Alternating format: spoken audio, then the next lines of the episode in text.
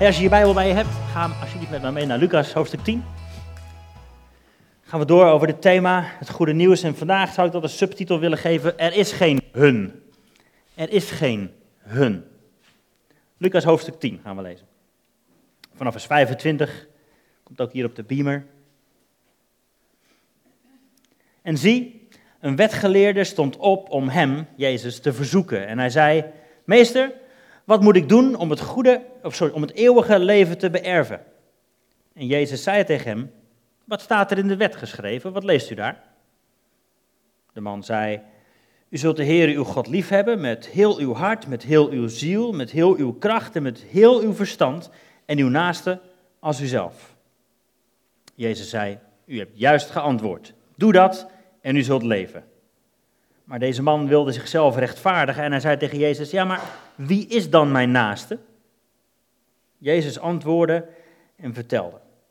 Een man ging van Jeruzalem naar Jericho en hij viel in de handen van rovers die hem de kleren uittrokken, hem daarbij slagen toedienden en hem bij hun vertrek half dood lieten liggen. Toevallig kwam er een priester langs diezelfde weg. En toen hij die man zag, ging hij aan de overkant voorbij. Zo kwam er ook een leviet toen hij op die plek kwam en hem zag aan de overkant voorbij.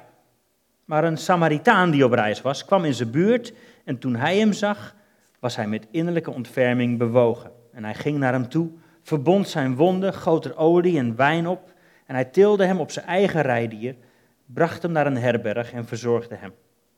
En toen hij de volgende dag wegging, haalde hij twee penningen tevoorschijn, gaf ze aan de waard en zei: Zorg voor hem en wat u verder aan kosten maakt, zal ik u geven als ik terugkom.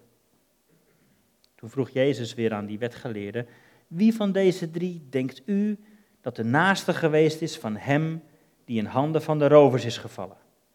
De man zei: Degene die hem barmhartigheid heeft bewezen. En Jezus zei: Ga heen en doet u evenzo. Gelijkenis van de barmhartige Samaritaan. Jezus houdt van verhalen vertellen. We hebben het hier ook wel eens gedaan aan de hand van films. Verhalen helpen ons om, om een beeld te krijgen bij wat gebeurt er eigenlijk. Wat, wat, wat, wat, wat, wordt er, wat wordt er bedoeld? En één ding is belangrijk om te weten. Als Jezus een verhaal vertelt of een gelijkenis, dan is dat nooit voor informatie. Dat is altijd voor identificatie. En dat is voor ons westerse mensen even anders. Wij houden van informatie, van rijtjes, van wat is waarheid, wat is geen waarheid, wat moet ik geloven, hoe werkt het, oké, zo. Maar wat Jezus bedoelt met al zijn gelijkenissen is identificatie. Oftewel, wie ben ik in dit verhaal? En als ik dat snap, wat, wat, wat betekent dat dan? Wat heeft dat voor gevolgen voor de rest van mijn leven? Met wie identificeer ik mij in dit verhaal? Wat bedoelt Jezus? Wie ben ik hier? En wat bedoelt hij dan eigenlijk te zeggen? Nou, in heel veel gelijkenissen heb je drie personen. En meestal ben jij een van die drie. Het verhaal van de verloren zoon bijvoorbeeld. Heel veel van ons zullen zich misschien wel herkennen in de verloren zoon. We zijn weer thuisgekomen. Sommigen van ons, als we eerlijk zijn, zijn we doorontwikkeld naar de oudste zoon. Harry Nouwen in zijn mooie boek vertelt ons dat God ons bedoeld heeft om te worden als de Vader. Het zijn vaak drie personen in een gelijkenis. En in, in dit verhaal ook. En Jezus, die, die dit verhaal vertelt aan die wetgeleerden, die fariseeën, die wil hem eigenlijk uitdagen. Wie ben jij in dit verhaal? Nou, de eerste die, die voorkomt in dit verhaal, want wat de vraag was, sorry, de originele vraag was, wie is mijn naaste? Wie is mijn naaste? En, en de manier waarop Jezus het vertelt, één van deze drie is jouw naaste. Dus is de, is de eerste man, de, de priester die langskwam, zou dat hem zijn? De wetgeleerde, de, de fariseer die die vraag stelt, weet eigenlijk wel, nee, die eerste man ben ik niet. Want een priester, dat was een Sadduceër. Je twee groepen, hè? Fariseërs, Sadduceërs. Er zijn een paar verschillen. Fariseërs geloofden wel in leven na de dood. Sadduceërs geloofden niet in leven na de dood. Fariseërs geloofden in de, de wet en de profeten. Sadduceërs geloofden alleen in de geschreven wet van Mozes. Dus er was een verschil. Dus de fariseeën wist, nee, die priester, dat ben ik niet. Ik ben benieuwd wie ik dan wel ben in dit verhaal. Nummer twee, de leviet. Nee, De leviet was ook een Sadduceër. Automatisch, die man is dan aan het luisteren en denkt, nou dan moet ik wel nummer drie zien. Ik ben benieuwd wie dan die nummer drie is. En dan hoort hij dat het om een Samaritaan gaat. Iemand die verafschuwd wordt. Iemand die er niet bij hoort. Als je Jood bent, heb je automatisch een hekel aan Samaritanen. En Jezus, door de manier waarop hij dit verhaal vertelt, komt hij heel erg in his face. Heel erg confronterend. Dit ben jij. Dit ben jij. Jij bent geroepen om zo te zijn. Om op die manier naaste te zijn. Dus hij moet zich gaan identificeren met iemand die verafschuwd wordt. Oeh, wat doet dat met je? We hebben een poosje in Engeland gewoond, hè? En, uh, en toen we er net woonden, kreeg ik wel eens de vraag: zijn jullie hier naartoe toe verhuisd voor, uh, voor de benefits, voor de bijstand? Als je hier werkloos bent, krijg je zeker beter betaald dan daar in Nederland. Ben je daarvoor hier naartoe gekomen, zeker? Buitenlander? Dat hoorde je er een beetje doorheen. Oeh, kijken mensen zo naar mij? En kijk ik eigenlijk ook niet stiekem zo naar buitenlanders hier? Oeps, wat doet het met je als je bekeken wordt, behandeld wordt als iemand van buiten die er eigenlijk niet helemaal bij hoort? Hoe behandelen wij hun? Hoe behandelen wij hun? En het is niet alleen maar één gelijkenis van Jezus. Dit zie je door heel zijn leven in onderwijs. Dat Jezus eigenlijk daarop gericht is. Er is geen hun. Er is geen buiten en binnen. Mensen die er wel bij horen of niet bij horen. Jezus is gekomen voor iedereen. Een voorbeeldje daarvan. In Marcus 6 en in Marcus 8 kun je het teruglezen. Dat gaat over de wonderbare spijziging. Ken je dat verhaal? Dat er een grote menigte was die aan het luisteren was naar wat Jezus te vertellen had. En bij het eerste verhaal, Marcus 6, dat Jezus daar zat te vertellen. Bij Bethsaida, aan het meer van Galilea, was Jezus aan het vertellen. En de mensen hadden honger. En de discipelen zeggen, stuur de mensen naar huis, want ze hebben honger. En Jezus zegt, nee, geef jij ze maar te eten. Help, hoe gaan we dat doen? En ze gaan op zoek en ze vinden een jongetje met vijf broden en twee vissen. En wat Jezus doet, hij neemt wat er is, hoe weinig het ook is. En hij heft zijn oog op en dankt God en begint te breken. En er is meer dan genoeg. Veel meer dan genoeg, want hoeveel blijft er over? Weet iemand dat nog? Twaalf mannen. Twaalf mannen met eten blijven er over.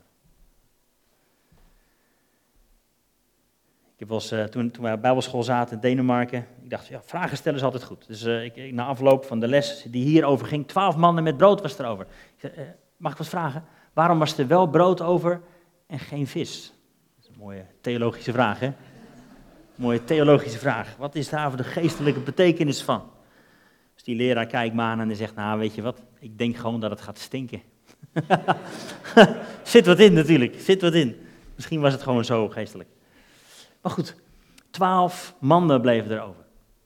Een paar bladzijden verder, Marcus 8, gaat Jezus naar de overkant van het meer.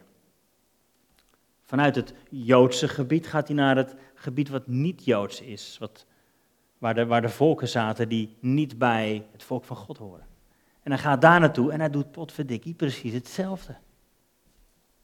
Alleen daar blijven zeven mannen met brood over. Zeven mannen met brood. Getallen betekenen vaak iets hè, in de Bijbel. Joden houden van getallen. En als je het een beetje doordenkt, twaalf mannen met brood, dat, dat staat natuurlijk voor de twaalf stammen van Israël. Alsof God wil zeggen, er is meer dan genoeg voor het volk van Israël. Er is meer dan genoeg voor het volk van God. Er is overvloed. Maar dan gaan we naar de overkant van het meer, naar de heidenen. En eigenlijk wonen daar de zeven volken van Canaan. Weet je nog, toen Israël het, het beloofde land introk, toen werden de zeven volken van Canaan verdreven uit het land. Die gingen zich vestigen aan de overkant van het meer. De zeven volken. En dat is een beeld van de heidenen. Het beeld van niet het volk van God. Het beeld van hun. We hebben wij en we hebben hun.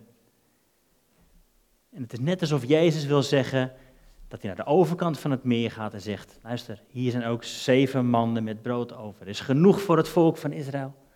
Er is genoeg voor iedereen. Er is geen hun. Wat Jezus voor jou en mij doet, doet hij ook voor de mensen die, waar volgens ons, buiten staan. Er is genoeg. Er is genoeg. Hoe gaan wij om met de buitenwereld? Hoe gaan wij om met de buitenwereld? Kijken we nog steeds als wij, zij, wij en hun? En door alle verhalen heen, door het leven van Jezus heen, zie je, er is geen hun. Er is genoeg voor iedereen. Op, al zo lief had God de wereld. En ik geloof dat we bezig zijn door deze serie heen, door deze tijd heen, om steeds meer te gaan kijken door de bril van Jezus. Steeds meer te gaan lijken op Hem, om Zijn hart voor elkaar, voor onszelf, maar ook voor de wereld te gaan ontdekken. Steeds meer liefde, steeds meer passie, steeds meer kijken zoals Jezus kijkt. Ook in de tijd van Jezus waren er natuurlijk verschillende manieren om te reageren op de buitenwereld. Je had het volk van God en je had hun. Je had Israël en je had hun. Nou, heel specifiek had je in die tijd van Jezus de Romeinen. De heidenen die kwamen om het land te overheersen. En grofweg zie je ongeveer drie, drie manieren waarop er gereageerd werd. Door het volk van God op de heidenen. Je had de manier van de zeeloten. De manier van de zeeloten. We zouden ze nu of revolutionaire of uh, misschien wel terroristen noemen. Met het zwaard in de hand, keihard vechten tegen de overheersers. Naomi noemde dat net, hè, met de Bijbel in de hand slaan op iemand. Die manier van reageren. Vol agressie, woede. Jij bent anders, jij bent slecht, jij bent minder. Wij zijn het echte volk van God en ik zal je even laten weten hoe het echt zit. Die manier van reageren. De manier van reageren van de, de zeloten. Agressief. Wij en hun. Wij hebben gelijk en wij zullen het hun wel even vertellen. Of ze het nou willen of niet. Een agressieve manier van kijken naar de buitenwereld. Je had ook de, de manier van de, de Essenen. Worden niet met naam en toenaam genoemd in de Bijbel, maar het is wel een hele belangrijke groep. En de Essenen was een groep van mensen die zich eigenlijk ja, ja, terugtrok. De grote boze buitenwereld, vol zonde, vol vieze mensen, vol onreine mensen. En wij. Wij zijn het echte volk van God. Wij weten hoe het eigenlijk echt werkt. Wij zorgen ervoor dat wij rein zijn. En zal God hun wel straffen en ons zegenen. Dus je had de zeloten die agressief gingen reageren en naar buiten en, en aanvallen en noem maar op. En je had de Essenen die zich terugtrokken in hun eigen kleine bubbeltje in de woestijn. Hun zijn slecht, maar wij hebben het goed samen. Die twee manieren, maar ook nog de Sadduceërs. Ik noemde ze net al eventjes. De Sadduceërs, eigenlijk de een van de leidinggevende groepen van Israël, die zich ging vermengen met de Romeinen. If you can't beat them, join them. Als je ze niet kunt verslaan, kun je maar beter een beetje mengen en proberen op die manier misschien wat invloed uit te oefenen of zo. En ze gingen deel uitmaken van het financiële systeem en ze op die manier om te gaan met de buitenwereld. We gaan wel heel erg op ze lijken.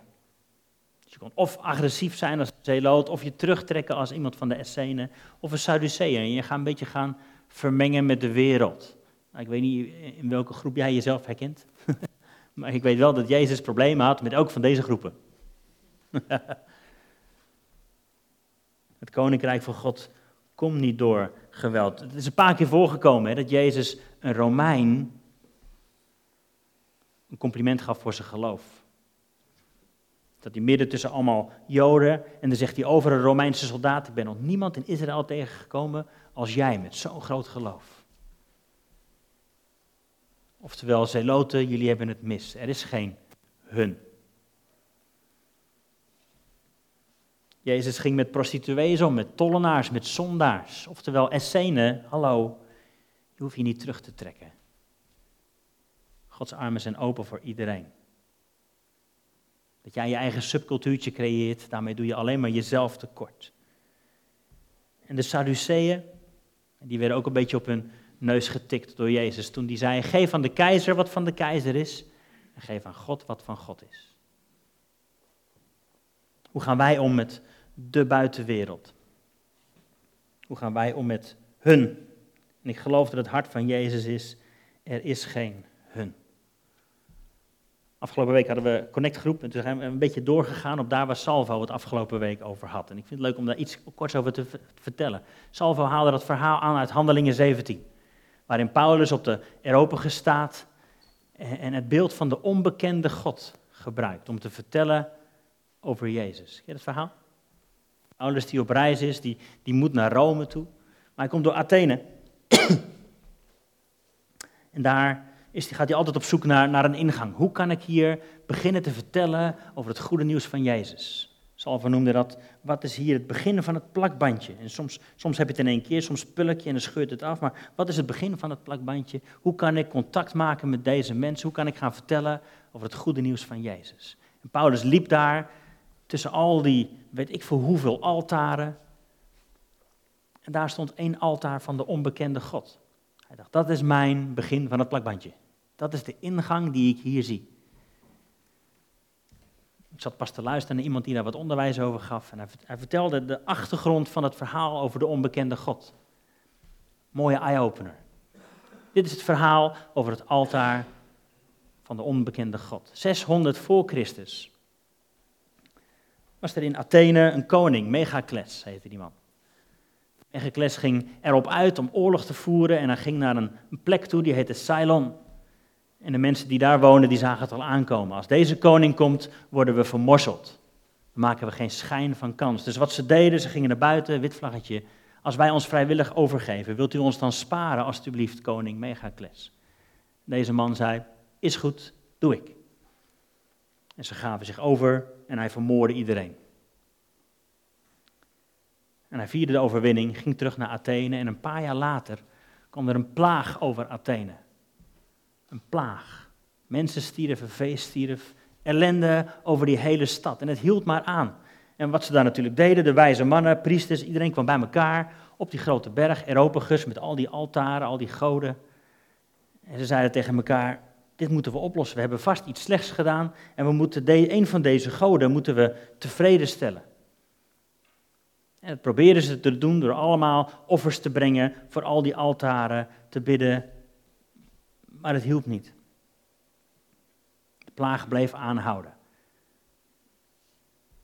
Ze gingen toen naar zo'n wijze oude vrouw die in een pot stond te roeren met een cape om en die zei, er is een onbekende God. Ik weet zijn naam ook niet, maar die moet je hebben.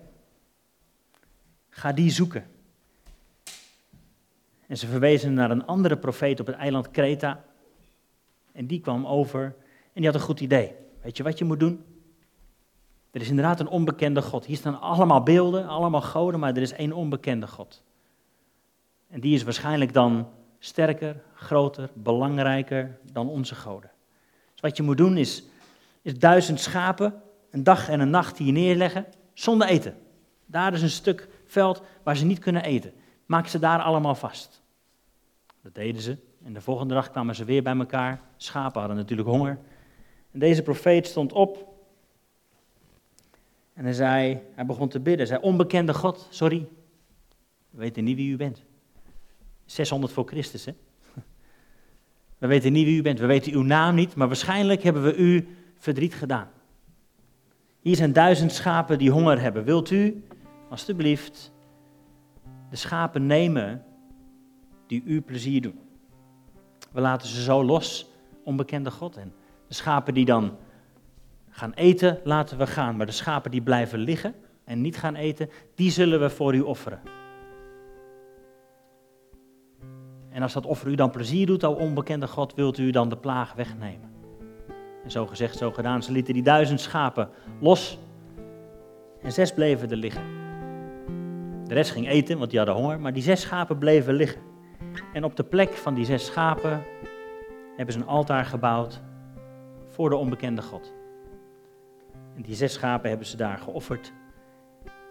En de plaag was weg. En de plaag was weg.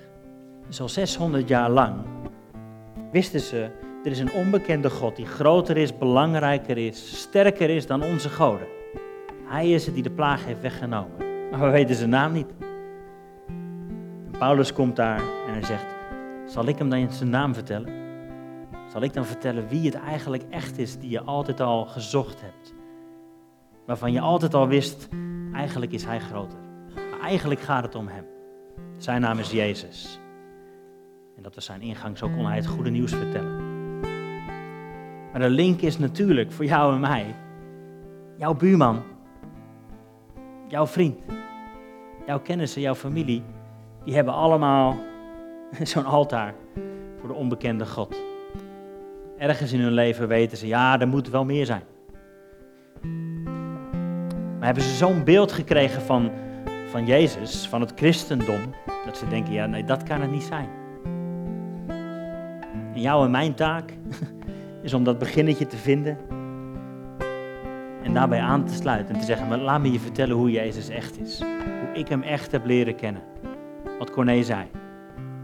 Mijn vader gestorven, vertelde hij tegen die vrouw op het voetbalveld. Maar God was dichtbij in die pijn. Dat is de God die echt is. De God die dichtbij komt. De God die vergeeft. De God die troost. De God die geneest.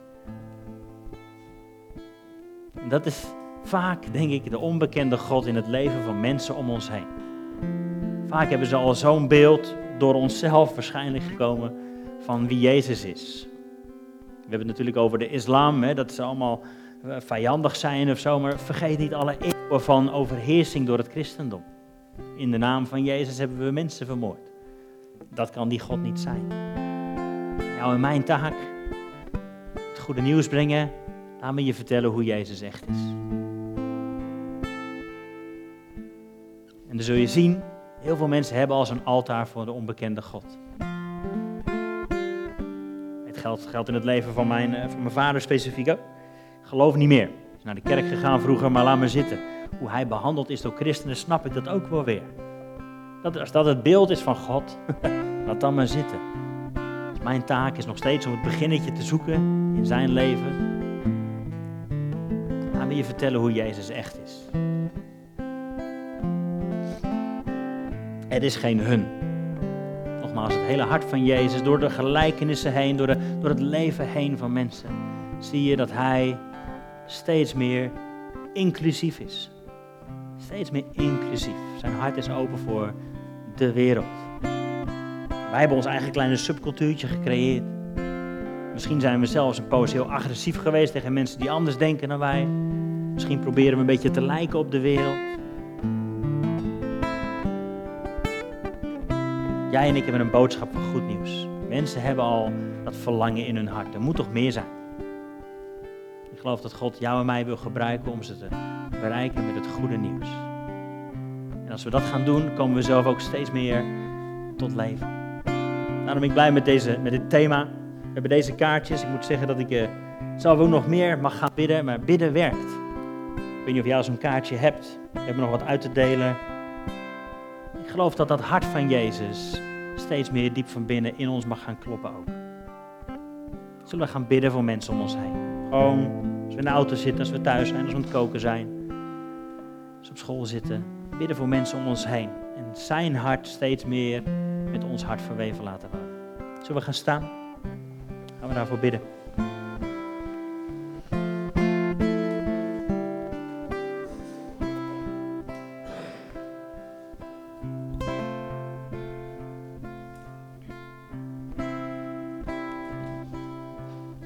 Heere God, laat uw hart in ons hart kloppen. Het gezongen, u bent onze hoeksteen. We willen ons leven op u bouwen. Als personen, maar ook als kerk willen we steeds meer kijken daar waar u naar kijkt. Naar buiten, naar de wereld om ons heen. We hebben goed nieuws te brengen.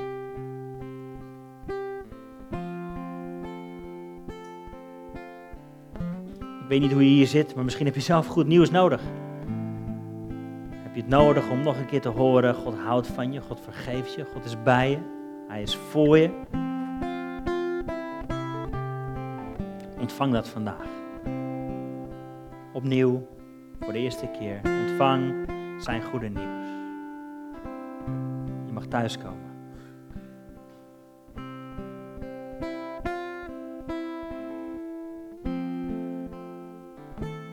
Vader, we willen ook helpen om andere mensen thuis te laten komen. Nog zoveel plek in het huis van de Vader. U zegt, de tafel moet vol. Mijn huis moet vol.